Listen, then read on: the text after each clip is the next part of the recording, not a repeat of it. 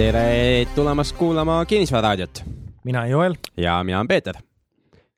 ja meil on olnud nüüd paus päris pikka aega, üle kuu aja vist. lausa vist poolteist jah, et, et mis juhtus, Joel? palju meil aega on rääkida ehk siis lühidalt, lühidalt oleks see, et elu tuli vahele. aga päris palju asju on meie, meie elus vahepeal toimunud. jah, minul isiklikult on äh, paar, paar sellist suuremat teemat on, üks on äh, üks on siis ettevõtlus, millega ma tegelen ja teine on siis palgatöö, et mõlemal, mõlemas on suured muudatused, et ettevõtluses on see, et äh, uksed on avatud restoranis ja palgatööl on see siis, et äh, uksed sulgevad varsti? uksed sulgevad jah, et kuidas ma siis ütlen, et ühe, ühe lõpp on teise algus või, või midagi sellist just ja, ja minul on ka olnud siin jooksmis, jooksmis päris palju, et, et nii kinnisvaraga kui ka, kui ka ettevõtluse osas. ja, ja nendest teemadest me siis täna, täna ka räägiks, eriti seda, mis puudutab kinnisvara osa. jah, oled sa vahepeal mõned tehingud ka teinud või, või mis sul nagu üldse toimunud kinnisvaraga on? et äh, ma praegu küll otsin tehinguid, aga kui me vaatame välja, vaatame seda, mis kinnisvaraturul toimub, siis hinnad liiguvad üles. ja muidugi noh mul on hea meel, et mul on mingi osa objekte, objekte käes, eks ju, ja, ja nad on valinud ju selle strateegia ja, ja jälginud seda, et, et ainult osta, renoveerida ja välja üürida ja, ja müügi, müüke pole toimunud nagu isikliku kinnisvaraga. et ma siin just üks päev rääkisin ühe teise äh, inimesega, keda ma tükk aega tunnen ja polnud tükk aega rääkinud, et küsisin, et kuidas tal läheb. ja tema strateegia oli see, et ta ostab, renoveerib ja müüb ja, ja, ja nüüd ta ütles, et ta on suutnud paar kapitali kahandamise tehingut vahepeal teha ehk siis on ostetud, renoveeritud ja müüdud selle hinnaga, et on kaotatud raha?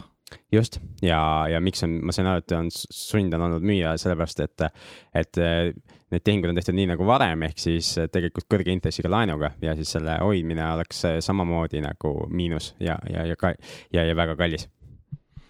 see on äh, päris huvitav teema selles mõttes, et äh, kui me vaatame äh, kui meil oli buum, eks ole, ja siis kinnisvara väärtus langes päris kiiresti, mingi kolmkümmend või nelikümmend protsenti keskmiselt Eestis. see oli peale buumi? jah.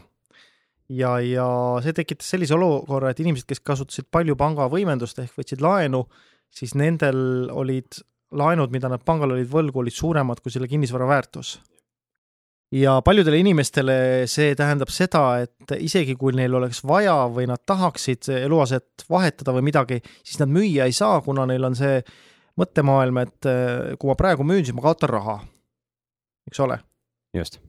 aga tegelikult on ju niimoodi, et kui sa saaksid selle raha, isegi vähem raha, mis sa sealt kätte saad, paremini ära investeeritud, siis see ju tasuks teha, kui jääda ootama seda, et see väärtus tõuseb jälle mingile tasemele ka seda, aga mis, mis see, mis mina praegu nagu rääkisin, on, on see, keda ke, ja kellest ma rääkisin, on siis tegemist tegelikult ütleme valdkonna professionaaliga ikkagi, kes teab, mida ta teeb. et, et ta on mingeid valearvestusi teinud, et ta on liiga kallilt ostnud ja, ja siis renoveerinud ja lootnud, et õnnestub nagu kohe oluliselt kallimalt edasi müüa, aga see ostuhind on arvatavasti vale siis olnud ja noh, sama, samal ajal me ju, ju mõlemad tunneme ka inimesi, kes, kes endiselt suudavad le leida hea hinnaga asju ja neid renoveerida või jah, enamasti renoveerida või, või siis teha mõni lihtsam parandus nagu koristamine, eks ju, ja, ja, ja kallimalt müüa, aga see on oluliselt raskemaks läinud. et, et hinnad on ikkagi üles liikunud ja, ja ma vaatan, et see niisugune remontimata ja remonditud hinda, eh, objektide niisugune hinnavahe, seal ei, need käärid nagu lähevad järjest väiksemaks, et, et, et tegelikult niisuguse, äh, niisuguse lihtsalt ostan, remondin, müün äri, noh, tunnen kaasa neile tüüpidele, kes, kes sellega tegelevad aga mul endal jah, et siis äh, otsin, otsin siin järje, järjekordset äh, objekti, eks ju, ja, ja tahaks juurde osta midagi. aga sama vaatad, et eelmine aasta sai nagu ostetud, see aasta nagu hinnad kõvasti, kõvasti hüppeliselt üles läinud oskad sa protsentuaalselt öelda, mis see muutus on? ma ei tahaks nagu konkreetselt välja öelda, mida ma otsin ja, ja, ja, ja mis hinnaga ma seda asja osta tahan. et teie ju kuulate ja, ja, ja, ja, ja võib-olla lähete ja teete midagi minu eest enne ära. et seda meil juhtub ka järjest tihedamini et, et me õpetame ja inimestele ja siis pärast äh, konkureerime nende samade inimestega. aga hinnakasv. et äh, ma võiks selle kohe välja arvutada, on meil siin kalkulaatorid, Joel? meil on siin kalkulaator olemas jah. ja hinnakasv on olnud eh, lausa kakskümmend protsenti. ühe aastaga? ühe, vähem kui aastaga tegelikult, ütleme kuue-seitsme kuuga. ja, ja ma tahan osta remontimata asja, nagu ma eelmisegi ostsin, aga eelmine, mis ma ostsin, seal olid vähemalt aknad vahetatud, et nüüd on nagu aknad on ka vanad ja küsitakse nagu kakskümmend protsenti rohkem kui, kui, kui selle asja eest, mis ma siis eelmise aasta suvel ostsin no kui aastaga nii suur tõus on, siis eh, tundub nagu oleks väike buum. just ja, ja tegelikult ega see suurest statistikast ju välja ei paista, sellepärast et see näitab keskmist. Aga eh, need odavama otsa asjad, eks ju, nende hinnad on ikkagi oluliselt kiiremini tõusnud kui, kui siis nende, kui see keskmine sest kallima otsa asjad tegelikult, nende hinnad on suht, suht samad püsinud, seal ei ole nagu niisugust hullu tõusu olnud. aga odavama otsa asjad on, on selgelt kallimaks läinud ja, ja minu meelest meie äh, kahetoaliste korterite, mida ma välja üürin, nende väärtus vist on ka aasta jooksul siin ka kuskil kakskümmend protsenti, kakskümmend viis, võib-olla isegi, isegi ülespoole läinud, kui täna tahaks müüa neid asju mm. -hmm. Aga see on nüüd äh, nii-öelda ostu, ostuhind või müügihind, et äh, mis sa oled täheldanud, mis toimub äh, üürihindadega? üüriturul on ka päris huvitav, et selle, sellega ma just ük, oli siin paar nädalat tagasi vaja tegeleda aktiivselt ja, ja üüriturul on toimunud täiesti huvitav asi. üle pika aja on, on olukord kardinaalselt teine ehk on olukord on muutunud. ja see muutus toimus kusagil veebruari keskel ja läheb järjest hullemaks väljaüürijate jaoks. ehkki järjest vabanevad korterid ja tulevad pakkumisse. ja miks korterid vabanevad, äh, on erinevaid põhjusi, eks ju, on inimesi, kes kolivad Eestist ära, eks ju, noh, on ka inimesi, kes kolivad siia tagasi muidugi aga äh, palju rohkem on neid üürnikke, kes ise ostavad endale korteri. ja, ja meil ongi näiteks, meil on, eks ju, neli, nelisada kahetoalist korterit ja, ja meil on kõik üürnikud vahetunud nüüd viimase kolme kuu jooksul. Ehk ja, ja korraga tekkis juba niisugune hirm, et, et kolm korterit on korraga tühjalt käes ja, ja, ja siis, siis ma natuke arutasin, mida see minu jaoks tähendab ja see ei olnud enam huvitav, eks, et maksta kolme korteri laenu ja kolme korteri kommunaale ise ilma et ise nendes elaks, eks ju, enda kodu ka veel mm. -hmm. et noh, kui võtame väga-väga jämedalt, ütleme, et kahetoaline korter, üüri saad selle eest võib-olla kakssada viiskümmend, pangalaenu tagasimakse, noh, ma ei tea, jämedalt ütleme kakssada ja kommunaalaid talvel ka võib-olla selline sada kakskümmend, sada viiskümmend, eks ole, et noh, kui pangalaen oli, ütleme. no kui reaalsemaid numbreid võtame, siis jah, ja ütleme, et laenunumber on võib-olla õige, mul on laenu, mul on laenud ja üürid on enam-vähem sama suured, et et on tegemist siis ettevõtetele ostetud asjadega, eks ju. kuskil kakssada nelikümmend näiteks on laenumakse ja korrutame nüüd kolmega läbi, jah, siis ja. on juba, tuleb seal. seitsesada kakskümmend. seitsesada kakskümmend ja siis veel sada viiskümmend iga korteri kohta juurde, nelisada viiskümmend veel juurde. no palju sa saad, tuhat kakssada midagi? umbes tuhat kakssada, jah. tuhat kakssada eurot ja käia iga kuu väljas, oleks nagu päris vahva. just, eks ole, ja siis see on negatiivne cash flow ehk, ehk siis nagu sa ütlesid, et eh, pead maksma peale selle eest, et sul need korterid on just, aga no siis tuli nagu kiiresti tegutseda. ja, ja, ja, ja mis need võimalused siis on, eks ju, kui, kui teised pakuvad ja mina pakun eh, korterid, eks ju, ma pean millegagi eristuma või silma hakkama. ja, ja, ja, ja millega siis ma siis, siis otsustasin silma hakata, on see, et esiteks need olid maatriga väljas juba mõnda aega ja, ja nagu midagi nagu juhtunud, nagu vaadati ja, ja ei vaadatud ja, ja ikka valiti teised. ja, ja siis ma ots-, võtsin ennast kokku, ütlesin, okei okay,, nüüd on aeg probleem ära lahendada ja, ja ja panin ennast ise maakleriks nii-öelda jälle. noh, räägi, kuidas läks? no ma panin siis välja kuulutused, eks ju, otse omanikult. Ja, ja, ja seekord maakleritasu ei võtnud, et ma minevikus minu arust ühes saates me rääkisime seda ka, kuidas ma üürisin korteri välja niimoodi, et ma võtsin, korjasin endale selle maakleritasu, eks ju, seekord ma siis vaatasin, et ei, et need inimesed, kes täna otsivad korterit, need ei suuda küll seda maakleritasu maksta, et ja kui nad suudavad selle tagatisraha ja üüri ära maksta esimese kuu oma oma ja, ja, ja panin siis need kuulutused välja ja, ja, ja panin välja ühe, ühe hinnaga, eks ju. Ja noh, helistati, tuldi vaatama, nagu ikka midagi juhtunud. siis ma mõtlesin, et ei, niimoodi see asi ka ei lähe, eks ju, tõmbasin veel hinda alla. ja tõmbasin veel hinda alla ja, ja siis lõpuks hakkas telefon helisema. ja, ja siis ta helises päris aktiivselt ja, ja siis kusagil kakskümmend inimest vist, kellega ma suhtlesin. ja, ja kuskil kümme käis kohapeal ja nendest vii, neli või viis andsid nagu isikukoodi. isikukoodi andsid milleks, miks sa seda küsid? et teha siis krediidiinfost taustapäring ja vaadata nende krediidi ajalugu. ja noh, paari puhul ma sain nagu ilmselgelt aru, et nad ei andnud mulle isikukoodi sellepärast, et nad said aru, et neil ei ole midagi ilusat sealt, mida vaadata. noh, mõnele ei, ei sobinud ka see korter, eks ju, ja, ja, ja sellepärast nad ei andnud, aga, aga need, kes andsid, nendest tegelikult ainult ühel oli puhas taust. ainult ühel.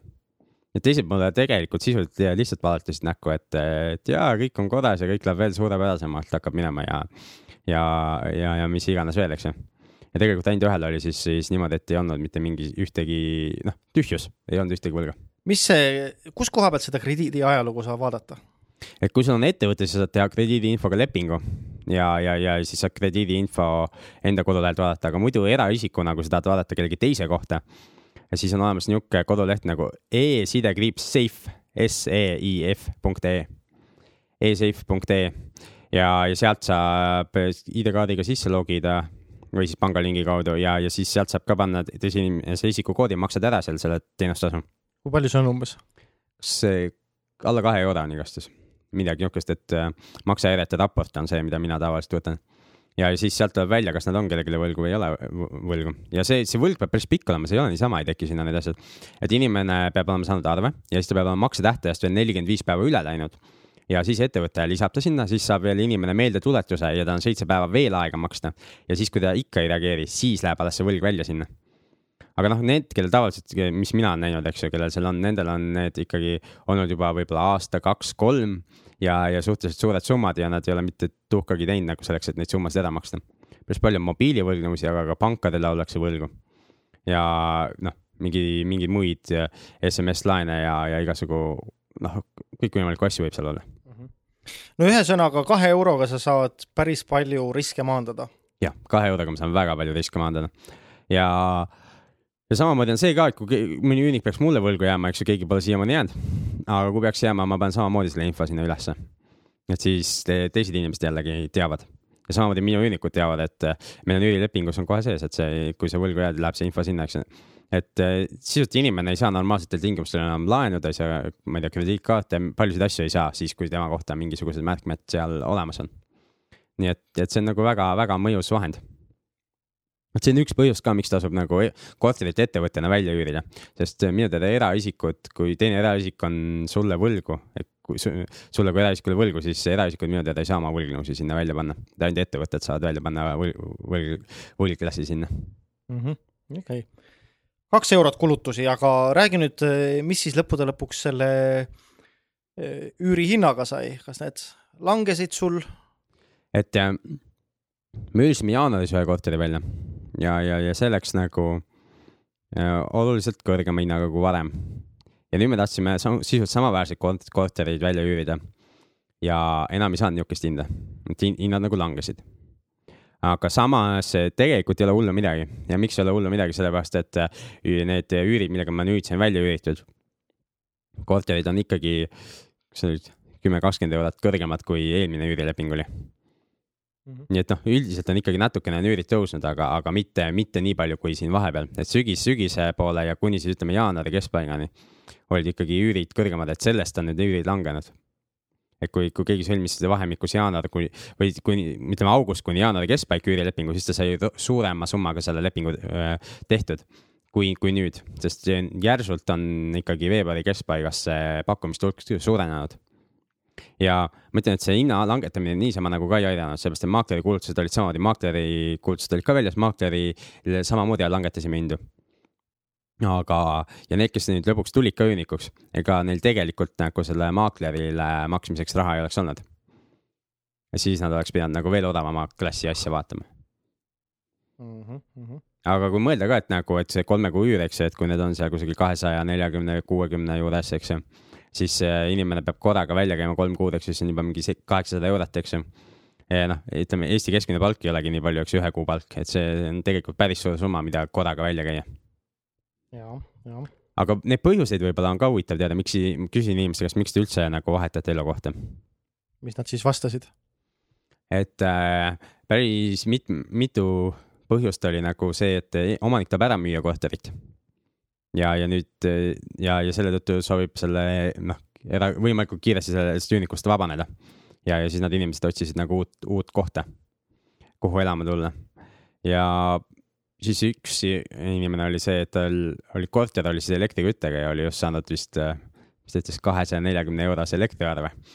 ja no., ja siis mõtles, et aitab küll ilmselt siis äh, tänu sellele, et elektri hind läks, läks börsihinnaks, jah?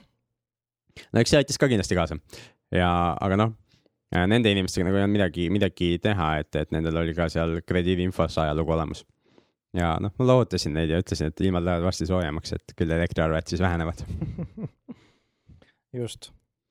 ja, aga see, see näitab nagu seda, et, et tegelikult need inimesed üürisid praegu kes käisid seal, eks ju, ja, ja mina vaatasin krediidiinfost ja nägin nende seda krediidi ajalugu. Aga ometi nad kellegi juures üürivad, järelikult on piisavalt palju ikkagi neid omanikke, kes ei tee seda taustauuringut jah, ja kindlasti on, ma väidan, et on suur osa inimesi, kes äh, üürivad välja mustalt. Ehk siis eraisikuna ja seda ei deklareeri Maksuametile. Ja sellega mul oli ka kogemusi ja, ja üürnike, potentsiaalsete üürnikega juttu ja nad olid nagu väga, väga positiivselt üllatunud, et me üürime välja seda ettevõttena, eks ju. Ja, ja, ja, üks küsimustes oli, et kas ma ikka võin siia sisse kirjutada, ma noh, loomulikult nagu, et sa saad normaalse üürilepingu. et äh, linnaosavalitsus on ka lähedal, et mine käi läbi ja, ja kirjuta ennast sisse, eks mul jumal ükskõik noh, minu poolt nagu küll mingit takistust ei ole et need olid ka nagu niisugused, noh, ma ei saa öelda, et need on argumendid võib-olla korteri valimisel, aga, aga mõjutavad siiski ja mõjutasid nagu positiivset inimest, et. nojah, ikkagi mis tahes inimesed arvavad, fakt on see, et kui sa Tallinnas elad, siis sa saad bussiga saad tasuta sõita, kui sa oled Just. sisse kirjutanud. seda pluss veel kool, lasteaed, mingid muud asjad, eks ju, ja, ja noh, valimas saab ka käia jaa, see on ka teema. see tuleb ka sügisel, eks ju. just aga nüüd, aga üldises pildis, mis ikkagi kinnisvaraturul ma näen, on see, et, et noh, praegu see pakkumine on kasvanud nagu ja in, rohkem inimesi ostab. ja millest see tingitud on, see tundub, et on tingitud ja, ja ma olen suhelnud ka siin erinevate te, teiste investorite ja, ja maakleritega ja küsinud, mis toimub, eks ju. ku, mis, kuidas on võimalik, et need üürnikud, minu üürnikud, eks ju, lihtsalt lähevad nüüd järsku panka ja saavad laenu, eks ju sellepärast, et kui nad üürile võtsid selle kuus kuud või üheksa kuud tagasi või mis iganes, sest nad ei ole isegi aastat elanud sees, eks ju, siis, siis neile nagu ei antud laenu. ja siis tuleb välja, et tegelikult pangad on laenutingimusi oluliselt lihtsustanud ja, ja pangad ise aktiivselt otsivad inimesi, kellele laenu anda. Ja nad ise levitavad sõnumit ka, ka nagu ma aru sain, maaklerite seas näiteks, et, et tooge meile neid kliente ma ei tea, kas nad maksavad ka midagi selle eest või ei maksa, seda, seda mul ei ole õnnestunud teada saada. aga eh, nende, nende nii-öelda klientide eest, aga ma saan aru, et, et pangad ja mitte ainult üks, vaid, vaid praktiliselt kõik pangad ütlevad eh, maaklerfirmadele vist, et, et eh, teate, et telefoninumbrist piisab, küll me selle laenu ära müüme mm. -hmm. et lihtsalt leidke meile inimene, kellel veel ei ole laenu või kes on laenukõlbulik ja andke telefoninumber, that's it nagu, et helistame, viime ära, pole probleemi. noh, suuremast pildist tuleb aru saada sellest, et ükski tõus või ükski langus ei ole igavene, eks ole. et seda Just. me nägime, kui Eesti, Eesti riik sai iseseisvaks, siis tasapisi hakkasid hinnad tõusma ja kinnisvara noh, siis üks hetk käis laks ära mm.. ja tänane päev siis tundub, et hakkavad jälle hinnad tõusma. No nad on juba tõusnud. ja, ja tõusevad kindlasti edasi, sellepärast et pangad tahavad äh, raha välja anda. nojah, sest panga äri ikkagi lõppude lõpuks on ju see, et ta annab, võtab raha odavalt sisse ja annab kallimalt välja ja vahepealt teenib siis raha. just. ja, ja siin tuleb aru saada sellest sõnakasutusest just nimelt, eks ju, et pank müüb laenu. ja, ja, ja sina, kui sa tahad laenu saada, eks ju, siis sina ostad laenu ja nagu ükskõik millise muu asja ostmisel, eks ju, siis on mõistlik võtta võrdlevad pakkumised, eks ju, ja kaubelda hinda endale soodsamaks. Ehk siis äh, laenu puhul on, on see hind, on lepingutasu ja intress. ja sa võid vabalt nagu võtta mitu pakkumist ja panna pangad omavahel konkureerima ja, ja, ja vaadata, kes sulle, kes sulle parima pakkumise teeb mm. -hmm, täpselt nii. aga nüüd, äh, kui see teema, juhtida seda teemat nüüd edasi, siis äh, et millest me rääkisime, oli, üks oli see krediidi ajalugu, eks ole, kaks eurot, noh, pole mm. suur summa, aga, aga ikkagi on raha. Eks ole, ja teine on maakleri tasu, et kõik need on kulud. sinule kui üüriandjale need on kulud. no maakleri tasu, eks ju, Äh, kui on, oleneb, mis turul toimub, eks ju, maakleritasu maksab kas siis äh, üürnik, siis kui pakkumisi on vähe ja, ja, ja, ja üürile otsijaid, eks ju, on palju. või siis tegelikult tänases seisus ongi siis valida see, et kas sa äh, tegeled ise kogu selle üürnikega, mis mina valisin teha, või siis sa, tegelikult on ka võimalik see, et sa otsustad, et, et maksad ise maaklerile mul oli ka see valik, et ma oleks öelnud, et kuule, okei okay,, paneme, pane, siin on küll see kuulutus välja, aga pane sinna kirja, et, et omanik maksab makritasu, et see, see oleks ka olnud võimalik mm. -hmm. et kuidagi, eks ole, kui sinul on toode või kaup on käes ja sa tahad sellest lahti saada, siis sa pead kuidagi tegema selle ostjale atraktiivseks. just, võib-olla minu üks õppetunde sellest on see, et, et nüüd mul need korterid olid tühjad mingi aja, eks ju. et sellesama hinna langetamisega ja, ja võib-olla siis selle otsusega et maaklerile maksta, et sellega oleks pidanud nad kiiremini tegutsema. no võtame, teeme lühida kalkulatsiooni, oletame, et nende korterite äh, üürid, mis sa küsisid, alguses oli, ütleme, et kolmsada. noh, vahet ei ole, mis ja. ta on, aga ütleme, et kolmsada, eks ole mm. -hmm. ja kui ta on kolmsada, siis ta aastas teeb kolm tuhat kuussada, eks ole. nii, ja ütleme, et su kulud olid äh, kakssada viiskümmend pluss see sada viiskümmend. jah, pluss sada viiskümmend, eks ole. nelisada kuu aja peale kokku praegu. jah. nii. ja, ja nüüd sa langetasid, ütleme, oletame, et viiekümnega langetasid, et oli kakssada viiskümmend, see on siis kaks pool tuhat, kolm tuhat, eks ole. nii. et nii-öelda selle üüri langus oli kuussada eurot aasta kohta. just. üüritulu langus. ja samas ma ei oleks teadnud üldse, kas see kolmesajaga oleks üldse see välja läinud. ega, ega, ega ei tea, võtame lihtsalt, äh, oletame mm -hmm. siin matemaatiliselt ja oletame nüüd, et ta oli sul kaks kuud, kaks kuud turul ja sa said nüüd selle kahesaja viiekümnega välja üüritud. kummaga siis, kolmesajaga või kahesaja viiekümnega? kahesaja viiekümnega, sa langetasid hinda ja said sellega välja üüritud mm. -hmm. kaks kuud oli eh, korter oli turult ära või tähendab, ta oli turul, aga mm -hmm, sul ei olnud tulusid, eks just. ole. ja sa langetasid hinda kahesaja viiekümne peale, ehk siis äh, nüüd su aastatulu kukkus kuuesaja võrra, aga tegelikult kaotasin üheksasada, eks ju? kaotasid, sellepärast et sa pidid ju kommunaale ka maksma. just, et nii laenumakse kui, kui, kui ka selle. arvutasime me õieti ikka kakssada viiskümmend pluss sada viiskümmend on, see on tegelikult nelisada, kaheksasada. aga kus me siis jõudsime oma arvutustega? et kui kui varem sai üüri kolmsada ja nüüd saab kakssada viiskümmend, eks ole, siis aasta peale see vahe on äh, kuussada, kuu peale viiskümmend euri.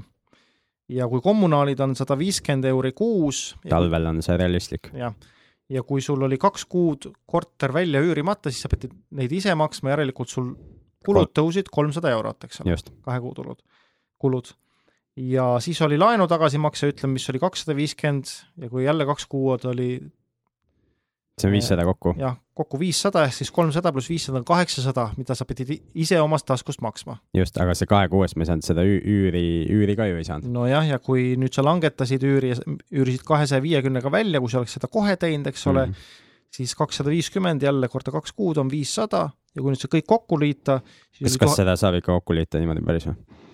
et äh, me sellest viiesaja, me juba arvutasime selle kuludesse, aga see põhimõtteliselt seesama viissada, viissada jäi meil saamata, eks ju no see jäi saamata, üüritulu jäi saamata. just, ja, ja laenu, laenu maksime ise. ja, ja lõppkokkuvõttes noh, ikka läheb odavamalt välja, et oleks võinud siis kohe ju tegelikult hinda alla tõmmata. et võib-olla, mis mul praegu natuke selle õppetunnina või, või veel mõtlengi, on see, et et ma oleks võib-olla oodanud maaklerilt, et oleks mulle kohe öelnud, et kuule, tõmbame alla, et olukord on teine. ta küll nagu rääkis, et olukord on teine, aga, aga mul ei olnud ka aega mõelda, eks ju, mis, mis me siis teeme, eks ju ja, ja, ja, ja nagu seda konkreetset ettepanekut ei tulnud, et kuule, tõmbame hinna sinna, et siis, siis saab kiiremini. et, et, et noh, kuni mul lõpuks tegelikult tekkis endal aeg, eks ju. ja, ja, ja siis ma otsustasin, et okei nüüd lähevad pildid otse omanikult kuulutusega välja. jah, ja see aeg tavaliselt tekib siis, kui sul on piisavalt valus. ei jah, kas on valus või, või noh, ma vaatasin, et nad nüüd on paar päeva, kus mul ei ole äh, mingisugune, midagi pakilist ei ole ees nojah, aga te, see tegelikult eh, ma ei tea, kuidas sinu rahaline seis on, aga ma arvaks, et tavalisele eestlasele kaheksasada eurot kaotada või nelisada eurot kuus kaotada ei ole niisama, eks ole, see on ikkagi märkimisväärne raha. no minu jaoks on ka ja, ja siis tegelikult oli neid kortereid ju mitu, mitte ainult üks.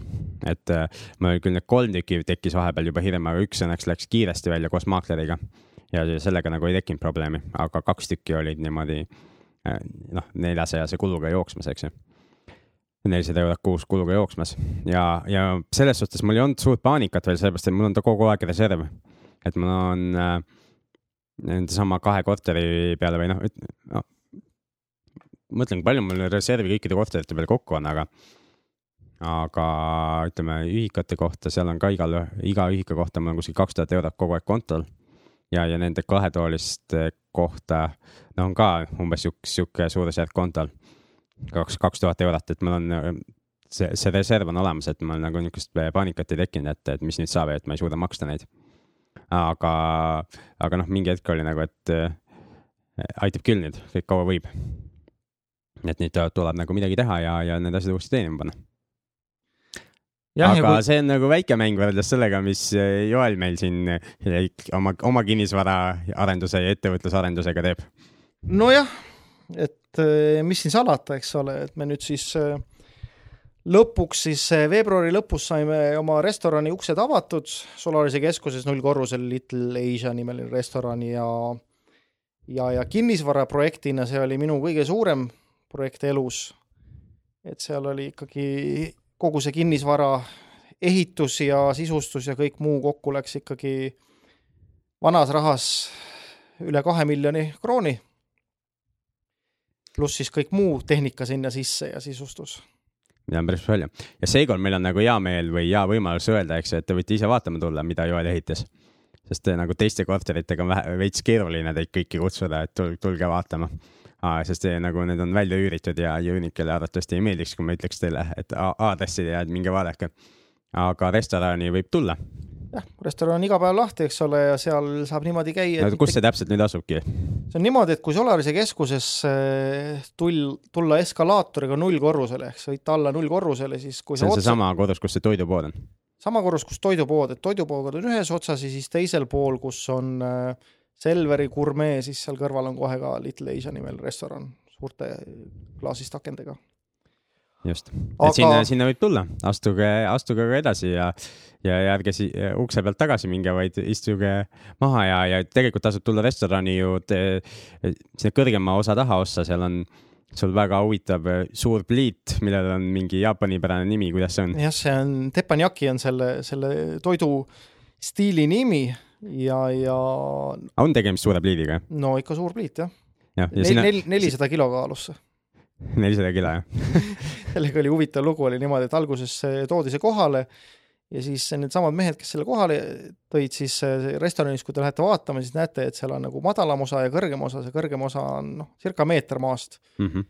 ja, ja trepp on nii väike, et noh, see pliit ei mahtunud sealt ja siis neli meest üritasid seda tõsta ja ei tõstnudki ära mm. -hmm. et ja esimene õhtu jäigi siis sinna tõstmata see pliit. nagu see nelisada päev... kilo on siis sada kilo mehe kohta natuke väheks jääb. järgmine, järgmine mehi. päev tuli siis mehi juurde tõstma ja siis lõpuks saadi pliit oma kohale mm. -hmm. aga kui nüüd tagasi tulla siis kinnisvaraprojekti juurde, siis. oota, ma tahaks sellest pliidist veel rääkida, eks selle pliidi äärde saab ju istuda.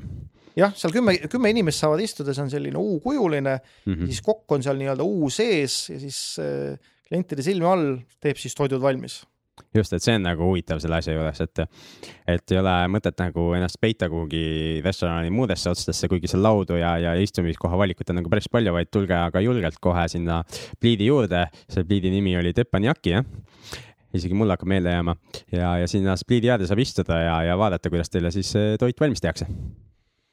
täpselt nii.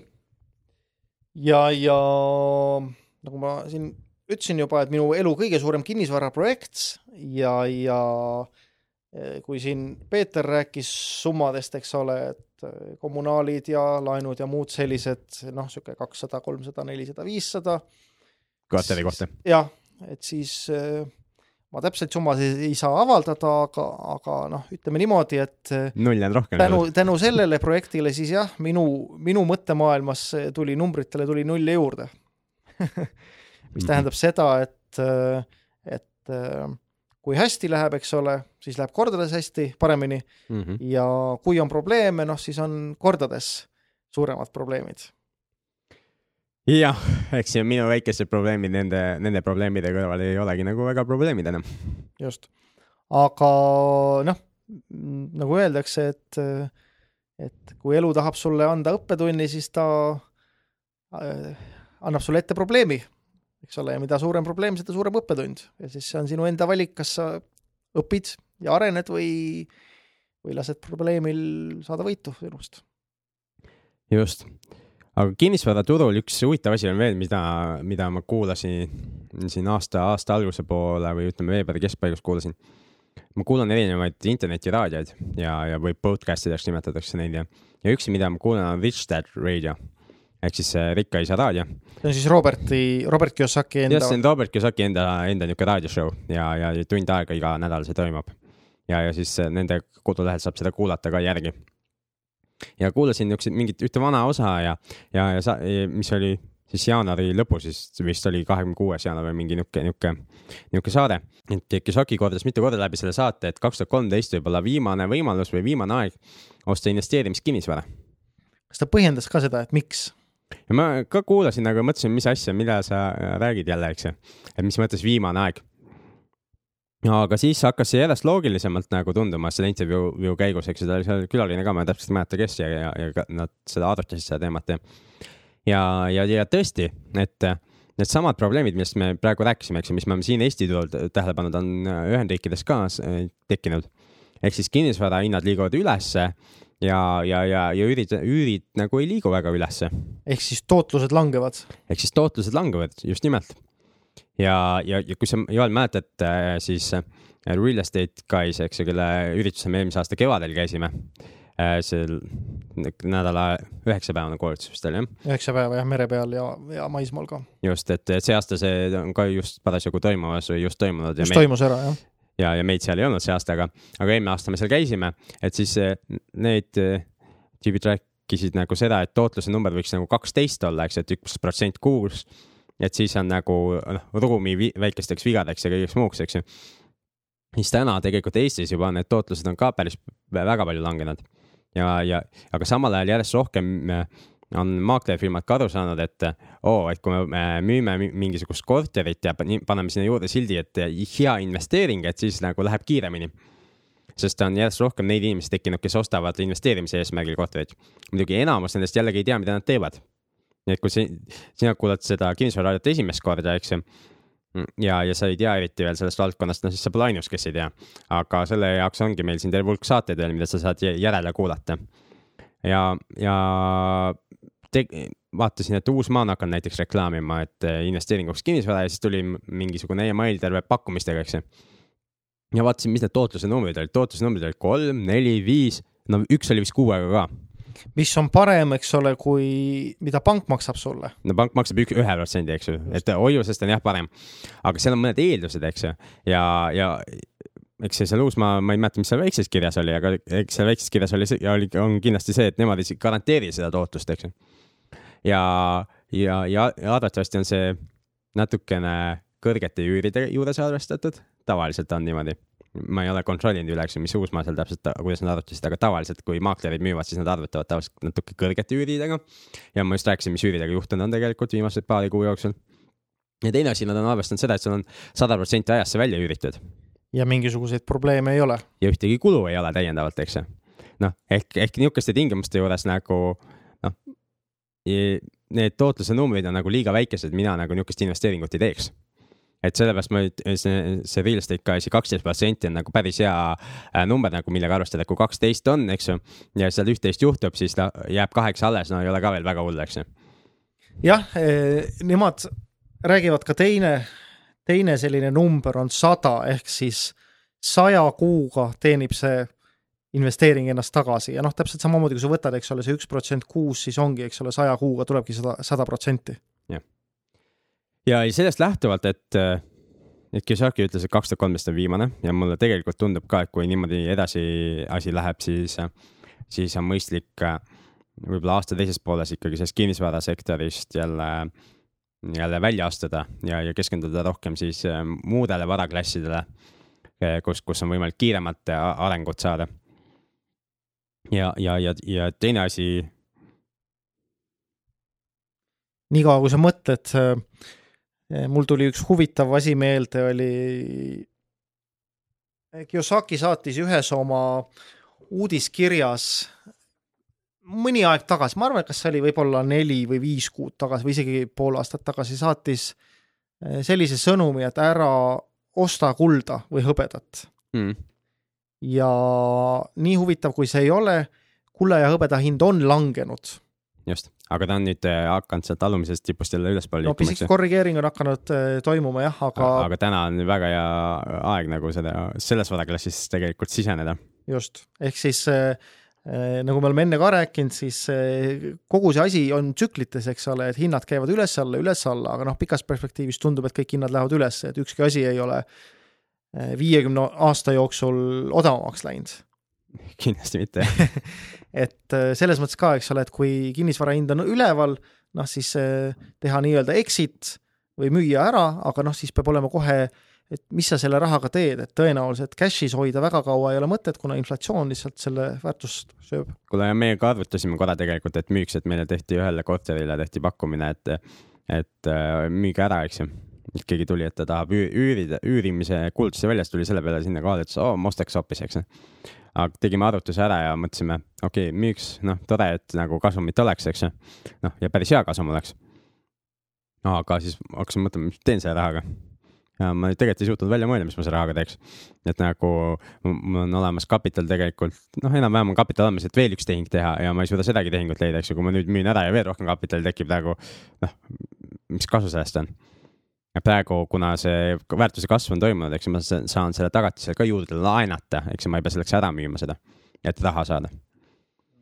Ja, aga teine asi jah, mis ma tahtsingi öelda, et need tootlused on vähenenud, eks ju, ja, ja selle tõttu ma rääkisin ka Jooliga, et kuule, et nüüd oleks küll viimane aeg, äh, viimane aeg nagu midagi ette võtta.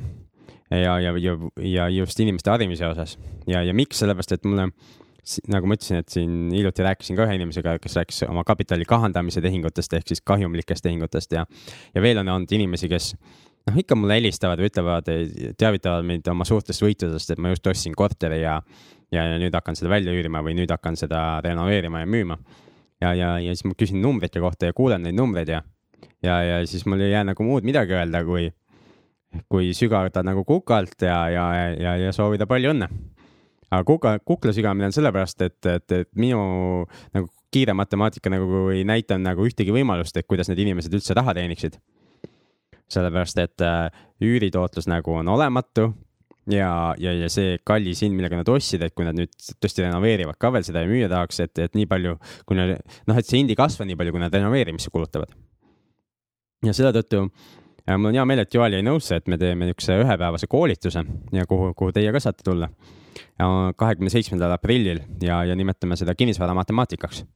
ja, ja seal me võtame siis ette eh, konkreetseid näiteid ja arvutame läbi ja sa võid enda numbreid ka kaasa võtta ja, ja, ja saame arvutada ka eh, sinu numbritega läbi või sa saad ise arvutada ja siis me saame võrrelda, et kellel on parem tootlus ja, ja ja mis üldse tootlust mõjutavad, eks ole, et noh. mis veel käi... tootlust mõjutab, eks ju, just. jah, käis läbi see kaks eurot, eks ole, et noh, see on üks, üks väike näide, aga, aga suurem näide, mis meil käis läbi, oli see, et kui korter on välja üürimata, et kuidas see mõjutab ja, ja see mõjutab juba väga-väga palju tootlikkust. veel tegelikult hea näide, millest me ei rääkinud täna, on see, et see korter, eks mis meil tühi oli et üks põhjus, miks ta tühi oli, osa sellest ajast läks tegelikult niisuguse asja peale, mida nimetatakse remont ehk äh, üürnik, äh, eelmine üürnik, kes seal elas, oli seal laamendanud ja seal oli kõikvõimalikke asju katki ja, ja isegi nagu see köökides on, eks ju, laud, mis käib seina külge kinni, eks ju, isegi see laud oli nagu seina küljest lahti saadud. ja, ja, ja selle tegelikult läks üks nädal, läks lihtsalt koristamise ja remondi peale pärast seda, kui ma selle korteri tagasi sain. jah, eks ole, see on see, et korter on tulult ära, pluss see koristamine, remont, kõik võtab raha loomulikult võttis raha ja, ja, ja aega ja kõike muud, eks ju. aga õnneks, õnneks ma väga palju enda aega ei võtnud, sellepärast et eh, meil on olemas juba noh, on meeskond tekkinud, eks ju, on olemas koristaja ja, ja temal on oma abilised olemas, on olemas ehitaja või remondimeeskond, eks ju. ja, ja neil on oma inimesed olemas, et, et, et paaripäevase te teatamisega on nad kohal ja, ja teevad ära kõik, mis vaja ja noh, ma kasutasin ka seda võimalust, et kui juba läks seal tegemiseks, et siis lasin seinad ka üle värvida uuesti, et, et saada värskem ilme kogu korterile. ja noh, miks me seda kõike räägime, miks me seda, miks seda koolitust vaja on, on see, et tüüpiliselt inimesed, kui arvestavad tootlust enne ostu otsuse tegemist, on see, et nad võtavad, eks ole, rendi korrutavad kaheteistkümnega ja jagavad selle summa siis ostusummaga ja siis Just. nad oma meelest saavad siis nagu tootluse, aga tegelikult eh, selliseid olukordi on väga vähe, kui sul on kogu aeg välja üüritud ja mingisuguseid lisakulutusi ei ole. seda küll jah, et midagi ikka juhtub. ja juhtub äh, erinevaid asju, osa asju on see, mida üürnik põhjustab, eks ju, ja mis tema saab kinni maksta. ja on neid asju, mis äh, juhtuvad üürnikust sõltumatult, eks ju, mis on omaniku kulud ikkagi. et mingid asjad lähevad katki, nagu korteris, kui vahetasin pesumasina välja, külmkapi välja ja nii edasi. noh, neid ei maksa üürnik kinni, need on lihtsalt ära kulunud. ja noh mõni asi on võib-olla vaieldav ka, eks ju, kes, kes siis seda siis nii väga nüüd kulutas, eks ju. kas on see nüüd üürnik ikkagi seal? kas see on loomulik kulumine või, või on see ebaloomulik, et äh, laud tuleb selja küljest, seina küljest lahti? just näiteks jah, niisugune asi. no see on nagu, see ei ole eriti loomulik minu arust. aga noh, pesumasinaga saab igasugu asju teha, eks ju et äh, miks, miks tihti ehitajaid ei taheta üürnikuks, ma ka eriti ei taha. on seesama, et ehitajad topivad oma, oma liivased või krohvised riided sinna pesumasinasse, eks ju, ja siis selle pesumasinagi ongi kööga, eks ju. noh, ja sa nüüd pärast vaidled, aga et kas, kas see pesumasin oli nõrk ja ei suutnud asju ära pesta või, või äkki ikka ei peaks toppima ehitusriideid see kodupesu, kodusesse pesumasinasse. just. aga koolitus toimub jah, kakskümmend seitse aprill ja kus see koolitus on? Viru konverentsikeskuses.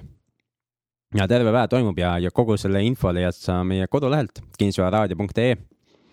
et tule kinnisvararaadio.ee ja selle saate juures on see link, link olemas, kus, kus saab registreeruda ja muud infot lüüa. ja osalustasu me hoiame ka võimalikult madalal.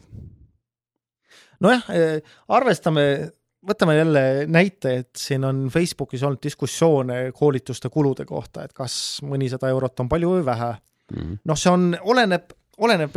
aga see koolituspool me praegu ei küsi isegi mõnisada eurot, eks üheksakümmend üheksa eurot on praegu registreerides. jah, no okei okay,. Üheksa... hiljem natuke hind tõuseb veel, aga üheksakümmend üheksa on see, millega sa saad ennast võtame üheksakümmend üheksa, eks ole, ja, ja, ja nüüd, mis selle üheksakümne üheksa eest saab, see oleneb kõik, eks ole, sinust endast, et eh, kuidas sa kavatsed seda informatsiooni rakendada sinu kasuks, aga aga oletamegi selle, et sa ostad korteri, võtad selle teoreetilise maksimumi ja eeldad, et teenid mingisugune neli, neli tuhat eurot aastas, eks ole, aga kui sa ei arvesta kõiki neid kulusid, üks näiteks kulu, mis kõikidel inimestel tuleb, ostuga kaasnes, mitte keegi ei saa sellest nii-öelda mööda hiilida, on see, et on vaja maksta notaritasusid yeah., eks ole.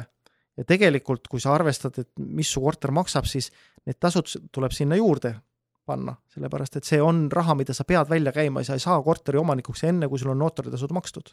ka laenulepingu tasud, hindamise tasud. ja, ja, ja veel võib-olla. võib-olla maakleri tasud. maakleril ja midagi. eks ole, et noh, see kõik oleneb sellest. ja see võib su tootlust tuua alla päris palju. võib, aga see... samas, mis tootlust võib suurendada, on eks ju laenu hea kasutamine. no täpselt niimoodi, kui sa oskad, eks ole eh, esimene on leida, eks ole, õige laenutoode õigete tingimustega sinule. just. noh, kasvõi seesama, eks ju, kui ma vaatan, vaatan nagu mingit enda korterit, eks ju, et ütleme, et me ostsime mingi kolmekümne tuhande euro eest korteri, eks ju, ja kümme tuhat võib-olla panime enda raha ja, ja kakskümmend tuli siis pangast, eks ju. ja täna võib, kui see väärtus on nelikümmend, eks ju, ütleme ainult kaks aastat hiljem, noh, siis võib arvutada, mis see tootlus on no väärtus. aga see on kapitali kasvult, eks ju? jah, väärtus, eks ole, kui, kui, kui sa ei müü, noh siis see väärtus nagu teoreetiliselt eh, vahet ei ole, aga mis on vahe, on see, et eh, üür, eks ole, tõenäoliselt muutus ka, pluss see, et ta väärtus on tõusnud, sa saad minna panka ja te, mm -hmm. teha refinantseeringu Just. ja su tootlus võib tõusta lõpmatuseni. võib küll jah, et ma võin saada ju tegelikult eks ju, kui sa panid kümme, kui sa panid kümme tuhat oma raha, kakskümmend tuhat võtsid pangast ja nüüd, kui see väärtus on tõusnud ja oletame, heal juhul sa saad pangast nüüd uut laenu, mis on kümme tuhat, siis mhm. sa oled selle oma kümne tuhande, mis sa investeerisid sinna, tagasi saanud. mis tähendab, et sul tegelikult oma raha seal sees üldse ei ole. just. ja ongi tootlus lõpmatus mis üldse tootlus lõpmatuseks, eks ju. mis, mis äh, Kiyosaki, eks ju, ütleb, et on iga investori niisugune eesmärk peaks olema et saada lõpmatu tootlus või saada midagi tasuta kaasa investeeringuga, ta ütleb, viimasel ajal on ta väljendanud niimoodi, et, et ma ei invest-, et ta ei investeeri kuhugi, kui sealt ei saa ta, tasuta veel midagi kaasa mm. -hmm. et see on, see on üks, üks koolitus, eks ju, mida me teeme. ja, ja Joolil on palju kogemust nüüd selle restoraniga. jah, ettevõtlusega, et äh, minu arusaamine ja ja nii-öelda mõtlemismaailm ettevõtluses on muutunud radikaalselt, kui alguses ma mõtlesin, et ettevõtlus on selline, eks ole, noh, suhteliselt nagu triviaalne asi, aga kui sa midagi suurt teed, siis äh, ma väidan seda, et ettevõtluses, mida suuremaks asjad lähevad, siis äh, numbriliselt, siis äh, see komplekssus või keerulisus tõuseb logarütmiliselt ja aga ma vahest ma nagu mõtlen, eks ju, et sul ju ometi peaks olema see eelis, et sa oled juba suurettevõttes nagu töötanud ja olnud keskastme juht ja peaks ju oskama suuri masse juhtida. jah, aga see, mis ma olen õppinud, on see, et ühest valdkonnast teise minemine, sa ei saa üks-ühele kõike oma kogemust eh, rakendada ja praegu see keskastme juhina sa oled rohkem spetsialiseerunud ka, et sa ei, ei teinud inimestega kõiki asju. absoluutselt jah, et mul oli teatud, teatud nii-öelda fookus, eks ole, mis ma oma palgatöös tegin ja nüüd selles restoranimaailmas on jälle põhimõtteliselt vastutame kõige eest. et kui meie mingisugust otsust või mingisugust asja ei tee, no siis ei tee seda mitte keegi ja siis teie hulk igasugu õppimiskogemusi on, on tekkinud ju absoluutselt, et ähm, noh, alates, alates läbirääkimistest, eks ole, enne kui sa hakkad seda ettevõtlust tegema, eh, minnes selleni, et kuidas seda kõike tehakse, eks ole, kes teeb mida, millised on su partnerid, kuidas inimesi palgata, milliseid inimesi palgata. kui palju need inimesed tööd võivad teha. jah, kui palju sul inimesi on vaja palgal, eks ole, mis on kellegi roll Äh, ja, ja lõpetades sellega, eks ole, et äh, turundus ja sellised asjad. ja, ja. lõpetades turundusega, äkki turundusega oleks pidanud alustama? no täpselt niimoodi ja, ja tegelikult, eks ole, noh, eks ma kindlasti pajatan sellest tulevikus rohkem, aga, aga noh, õppetunde on meeletult ja üks ja meeletult suur õppetund on see, et et kui sa midagi hakkad tegema ja see on suur ja sõltub ka teistest, siis kaasa oma partnerid plaan, planeerimisse, mitte niimoodi, et ehita mingisugune asi valmis, eks ole, ja siis otsid, et nii, et kes mul siis seda asja ajab mm. -hmm. praegu on niipidi läinud? no praegu on niipidi läinud ja siis vigadest õpitakse. just, aga teine teema tegelikult, mida me ettevõtluskoolitusel, eks ju, kuues-seitsmes aprill äh,. ma, Joali on kutsunud uuesti rääkima, see, mida sa tegelikult rääkisid juba eelmisel ettevõtluskoolitusel ja, ja see oli teema, et kuidas luua selline ettevõte, mis ise toimib ja sul on üks niisugune ettevõte ka? noh, üks selline on ja tei-, teisega, miks praegu ongi nii palju seda noh, ütleme, tegemist ongi see, et ehitada ta välja niimoodi, et ta toimib iseseisvalt. sest eh, ega ma töökohta endale ei vaja, mul on piisavalt tegemist eh, kaheksast viieni või, või seitsmest üheteistkümneni, oleneb päevast, eks ole. aga aga point ongi selles, et ehitada välja, et seal on inimesed, igalühel on oma vastutus, eks ole, ja kellelgi on suurem, kellelgi on väiksem, aga lõppude lõpuks idee ongi selles, et eh, ise saaks eh, võimalikult vähe seal aega veeta ja et asi toimib. Ja minu kui omaniku eh, kohustus ongi lihtsalt siis juhiga korra kuus või korra nädalas suhelda, vaadata, mis asjad on, teha otsuseid ja, ja ülejäänud aeg siis kuskil mujal veeta jah, et eelmine ettevõtluskoolitus, mis toimus kaks tuhat kaksteist sügisel äh,, oligi, ma mäletan, et isegi meil oli kogenud ettevõtjaid ruumis, eks ju, ja isegi neil, neil oli nagu noh, kas ei saa öelda, et just otseselt suu lahti, aga, aga niisugune äh, mingi vau-moment või, või käis läbi. ja, ja, ja ma mäletan endal ka samamoodi oli niisugune, et kuule, et Joel räägib väga loogilist juttu, et huvitav, miks ma ise ei ole nagu varem selle peale tulnud. et Joel äh, rääkis ja, ja ma usun, et räägid uuesti seda, kuidas need süsteemid siis niimoodi tööle panna, et tõesti, et ettevõte toimibki ise ja, ja, ja, ja sa selle ettevõtte omanikuna ei pea seal olema. aga samal ajal muidugi on päris palju inimesi, kes ei tahagi niisugust ettevõtet, kes tahavadki endale töökohta luua, eks ju, noh, palju õnne, eks ju, te võite seda ka teha. aga ma usun ise, et palju rohkem on nendest ettevõtjatest kasu, kes õpivad äh, looma selliseid ettevõtteid, mis ise toimivad, sest äh, eks ju, üks restoran on sul olemas, väike restoran, äh, kus saab sushit söömas käia. jah ja, ja nüüd sa saad liikuda järgmise juurde. aga kui sa peaksid iga päev ise seal sushi restoranis olema, seda sushit tegemas, eks ju. no siis aega ei oleks teist teha, eks ole. siis ei saaks teist teha, eks ju. noh, ma toon sellise hästi kerge näite, kõik, kõik saavad sellest aru kindlasti, on see, et et restoranis pakutakse süüa ja juua. ja et süüa ja juua pakkuda, see söök ja jook peab kuidagi restorani kohale jõudma. Ja võimalusi on noh, ütleme jämedalt öeldes on kaks, üks on see, et sa lähed iga hommiku või iga õhtu poodi, ostad need söögid-joogid ja tood kohale mm. -hmm. teine võimalus on see, et keegi teine toob sulle. noh, et kas see on sinu restorani töötaja või veel parem, näiteks ütleme, partner on sul Saku või A Le Coq või Coca-Cola või mis iganes, eks ole. ja nendega sul on tehtud leping ja sina annad neile teada, mis sul on vaja, järgmine päev nad toovad, toovad kohale. ja ongi Ja- süsteem, eks ole. jah, ja süsteem, noh, seal sõltub ka, et kust käiakse ostmas, eks ju. Et põhimõtteliselt on ju sul võimalus Solarise toidupood on sealsamas kõrval, et on võimalik sealt kõik asjad osta. noh, kui on probleem, eks ole, mingisugune, ma ei tea, ütleme, kurk sai otsa ja salatit teha ei saa, siis lähed jooksed Solarise poodi, ostad ära, eks ole. aga hind on kallim ja maksad kohe. teine võimalus on see, et kui sa mõned tarnijalt ostad, siis eh, hind on odavam, toovad sulle ise kohale, pluss sa saad näiteks neliteist päeva maksuaega. jah, või isegi rohkem jah, mõnikord. jah, et neid asju on, on, on palju, eks ju, kuidas seda ja süsteemi tekitada ja Jah., ja, ja vanaaegse restoran toimib. Eh, vana toimib ja uuega pingutame selle nimel, et saab ka toimima, eks ole, ja noh, no ta veel... toimib, aga see, ta sõltub vist päris palju sinust veel. no praegu sõltub Liinast, kes on seal põhimõtteliselt kakskümmend neli tundi koha peal, noh Mhm. piltlikult öeldes, eks. ole, minu abikaasa ja, ja mina ise pean ka päris palju pingutama selle nimel. aga kui veel lõpetada see, eks ole, näiteks, et eh, see näide, et eh, ütleme jookidega, eks ole, et ütleme, et Coca-Cola toob need joogid kohale, noh, siis on veel see üks pisikene nüanss, et kes need joogid tellib, kui sa tahad, et see on täiesti automaatne, siis sul on restoranis keegi, kes jälgib igapäevaselt, et millal sul laos hakkavad asjad otsa saama, tema teeb tellimuse, Coca-Cola toob kohale arve läheb otse raamatupidamisse või äh, eks ole.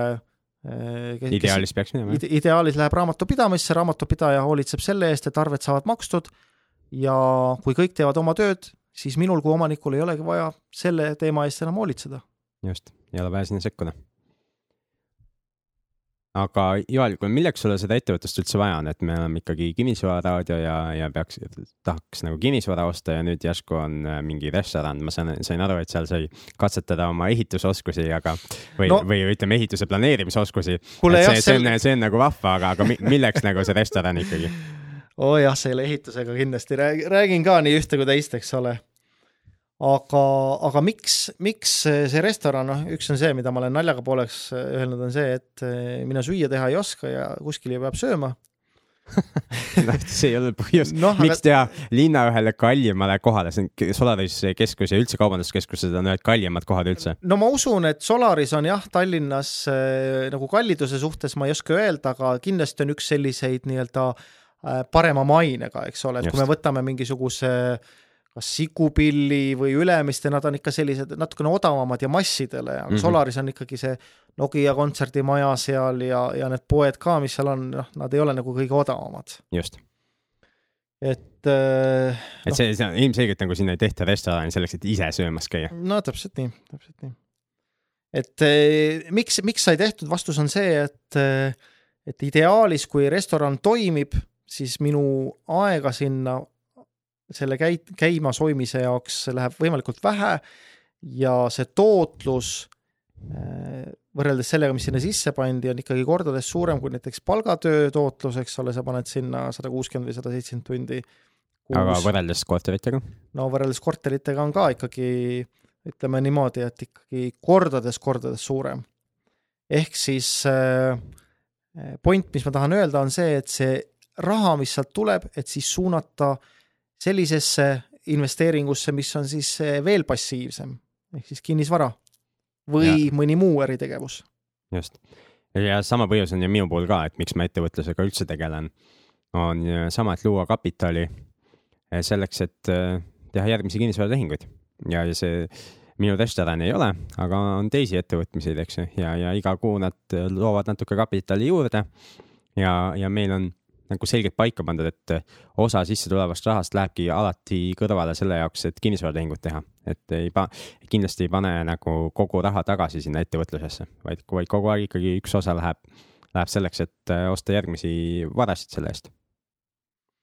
täpselt nii, et äh, tänane päev on on selle restoraniga asi niimoodi, et seal on asi eks ole, on käima pandud, aga iga päev tuleb tagasisidet, mille üle on meeletult hea meel, kuigi eh, osasid asjasid on valus kuulda, sest tahaks, et asjad oleks hästi, eks ole, aga aga probleeme on erinevaid ja noh, tuleb ennast lohutada sellega, et eh, ükski asi ei ole algusest peale perfektne, eks ole, et see just. võtabki aega, et eh, asjad korda panna või korda teha. kui sa just ei oleks frantsiisi ostnud, eks ju, siis oleks ostnud kellelgi teiselt valmis süsteemi ja, ja siis arvatavasti oleks niisuguseid probleeme ja asju oluliselt vähem. jah, noh näitena seal Solarise kõrval äh, Estonia teatri vastas äh, on tekkinud äh, selline koht nagu Subway, tänane päev ta veel lahti ei ole, aga lähitulevikus avavad uksed ja idee ongi, eks ole, nendel on selles, et nad saavad valmis kontsepti. just.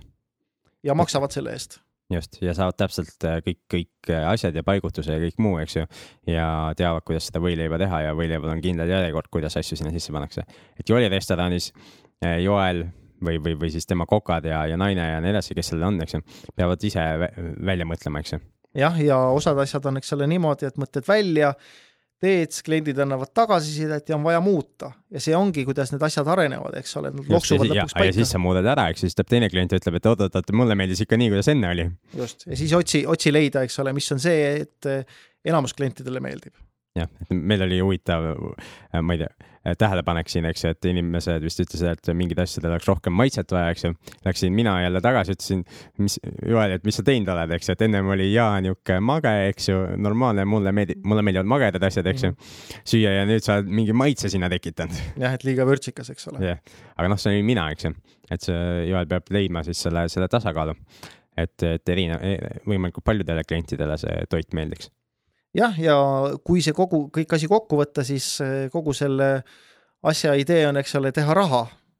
ja, ja siis on eh, rahavoodega tegelemine, et, et sisse tuleb raha rohkem, kui välja läheb, eks ole, noh, see on nagu selle äri esimene mm -hmm. mõte ja teine on siis ka see, et isegi kui seda raha tuleb, et kas see siis raha on õigel ajal õiges kohas, näiteks toon selle, et et kaardimakseid saab noh, igas korralikus poes ja restoranis on kaardimakseautomaat, eks ole, või see terminal, terminal, aga naljakas on see, et laupäev-pühapäev on pank kinni mm -hmm. ja raha sulle tuleb küll, eks ole, kliendid maksavad, aga raha sina kasutada ei saa, sest see istub kuskil pangas kinni. ja tuleb sinu kontole alles esmaspäev. just. et noh, selliseid väikseid õppetunde on hästi-hästi palju seoses selle ettevõtlusega jah, ja ma ei tea, kas sa oled juba avastanud või ei ole, aga varem või hiljem kindlasti sa näed võib-olla veel seda, et osa kaardimakseid on mingi negatiivse summaga. ehk klient on panga kaudu tagasi kutsunud selle raha ja siis sa pead hakkama kuidagi tõestama, et see klient ikkagi seal käis ja sai selle toote ja, ja, ja, ja et see raha peaks ikka uuesti sinu juurde tulema ja siis pank võtab ka selle eest teenustasusid. just, ehk siis sa pead tõestama seda, et sul on õigus ja maksad selle eest. jah. mul oli näiteks äh, väike näide siia oli selline, et äh, läksin panka, panin raha, panin sinna automaati, et, äh, et pane raha kontole, eks ole. ja siis ütleb, et viis eurot on puudu, ehk siis näitas mingi summa ja, ja, ja see oli viis eurot vähem, kui mis mina oma arust sinna sisse panin mm. -hmm. ja siis vaidlustasin tehingu, läksin panka ja, ja nemad siis vaatasid, tegid mingisuguse analüüsi ja ütlesid, et ei, et näed, et me ei arva, et masinal on õigus.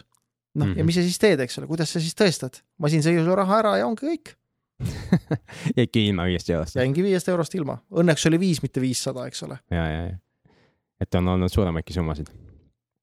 aga ettevõtlus on jah, palju, palju, palju niisugusem mitmetahulisem maailm, et, et kui me räägime ikkagi sellest elukondlikust kinnisvarast, siis see on lihtne. oh jaa, et ma ütlen ausalt, et et mõnikord on sellised hetked, kus mõtled, et huvitav, et miks ma seda kõike endale teen, eks ole, see on nii palju vaeva ja nii palju riski ja olgem ausad, seal on äh, ka teiste raha on palju, palju mängus, mis tähendab seda, et kui millegipärast, eks ju, asjad lähevad kehvasti või kõige hullem, kui üldse äri peaks kinni, kinni panema, eks ole, siis on see, et kuidas siis mina, kes oma arust olen aus inimene, eks ole, nende teiste inimeste käest usaldusega saadud raha, kuidas ma selle neile tagastan? Jah, või noh, enamus vist on laenud, eks ju. et äh, kaasata, eks ju, saab raha kahte moodi nii kinnisvaratehingutesse kui ettevõtlusesse, et see kaasamine on nagu sarnane äh, mõlemas. et on omakapitaline või laenudena. kui inimesed annavad omakapitalina, siis äh, eeldatakse, et nad saavad aru, et nad võivad sellest ilma jääda. aga kui nad annavad laenuna, siis nad ikkagi eeldavad, et nad saavad selle tagasi. jah, ja noh, seal on muidugi ka see, et kuidas see laenuleping on tehtud, eks ole, et kui laen on antud firmale, kui firma läheb pankrotti, osaühing, eks ole, noh siis mm -hmm. omanik oma varaga selle eest ei vastuta, juhul kui ei ole sõnastatud teistmoodi. jah, ei ole eraisiku käendust, eks ju. just, et noh, need on kõik ka asjad, mis äh, ettevõtluses. kinnisvaras samamoodi et kui ma nüüd kinnisvara tagasi pankadest laenu võtnud, siis pangad on ka tahtnud, eks ju, eraisiku käendust. kui ma olen laenanud eraisikutelt raha, siis nemad ei ole soovinud seda. Aga seal on mul nagu niisugune moraalne käendus, et juriidiliselt jah, ei vastuta, aga, aga e, suhted saaksid rikutud, kui ma taga, ei tagastaks. noh, loomulikult, eks ole, ja, ja noh, need on kõik asjad, mis tulevad varem või hiljem ettevõtte, ettevõtjale, eks ole, ette aga noh, mis ma tahtsin veel öelda, on, äh, Peetrile ka enne saadet mainisin, see, et äh, et kõigi selle kohta on hästi palju raamatuid kirjutatud. Ja noh, raamatute hinnad oleneb, kus sa ostad, eks ole, mõni raamatut saab internetis tasuta PDF-ina, aga kui sa ostad raamatu, füüsilise raamatu, siis no alla kahekümne euro on nad igal juhul. nojah, ütle, ütleme, et isegi kakskümmend eurot maksab raamat. ja, ja, ja see raamat, noh, kui see on ikkagi kirjutatud äh, heast tahtest, ehk keegi kirjutab oma kogemusest, eks ole, siis kakskümmend eurot investeerida sellesse ja võtta need õppetunnid sealt raamatut versus, et teha nii nagu mina tegin ikkagi mitmesaja tuhande eurose asja, eks ole, ja kui õpin siis läbi kogemuse neid asju, noh siis tekib see küsimus, et huvitav, et kui ma selle raamatu oleks läbi lugenud, pannud mingi paar nädalat sinna alla ja see kakskümmend eurot, et kui palju ma oleks suutnud kokku hoida raha. jah või teine ja see võib olla päris suur summa. see võib olla päris suur summa või noh, sa ütleme, et ma ei tea, käid kuskil koolitusel, eks mm -hmm. ole, täpselt samamoodi räägid kellegagi. või tegelikult kõige kallim variant, mis on, on, on see, et sa palkad, palkad konsultandi kellegi, kes on varem teinud sellist asja. ja maksad talle näiteks tunnitasu, mis on, ma ei tea, võib-olla sada eurot tund, eks ju, mõtled, et sada eurot tund, issand jumal, eks ju. aga samamoodi jälle aitab sul süsteemi luua. ja, ja, ja asjad lähevad nagu pa palju kergemini. või, või saavad esimese hooga õieti tehtud noh, täpselt niimoodi, et noh, mul on neid äh, ümbertegemisi seal äh, oma restoranis mitmeid, noh, üks, üks näite oli see, et, äh, et tulid, tuli mööbel ja, ja tuli kohale, tuli kaugelt, tuli laevaga ja siis tegime siis üks, üks päev, noh, mõni päev enne avamist siis proovi, tegime seal süüa ja sõime ja jõime ja siis vaatasime, et laua pinnamaterjal on selline kehv mm. -hmm ja, ja tuligi välja, et on nii kehv, et uued lauad.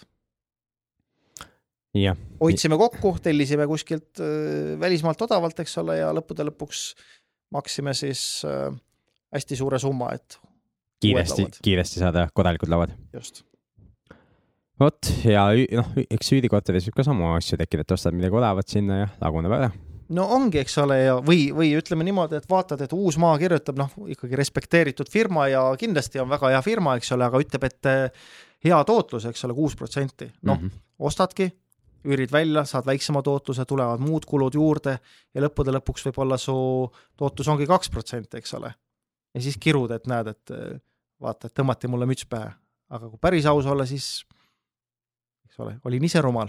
just nii ja aga võtaks selle teema kokku, et eh, kaks koolitust on tulemas, kus, kus mõlemas on Joel esineja ja mina olen, olen läbiviija ja ettevõtluskoolitus on meil veel teisi esinejaid seal.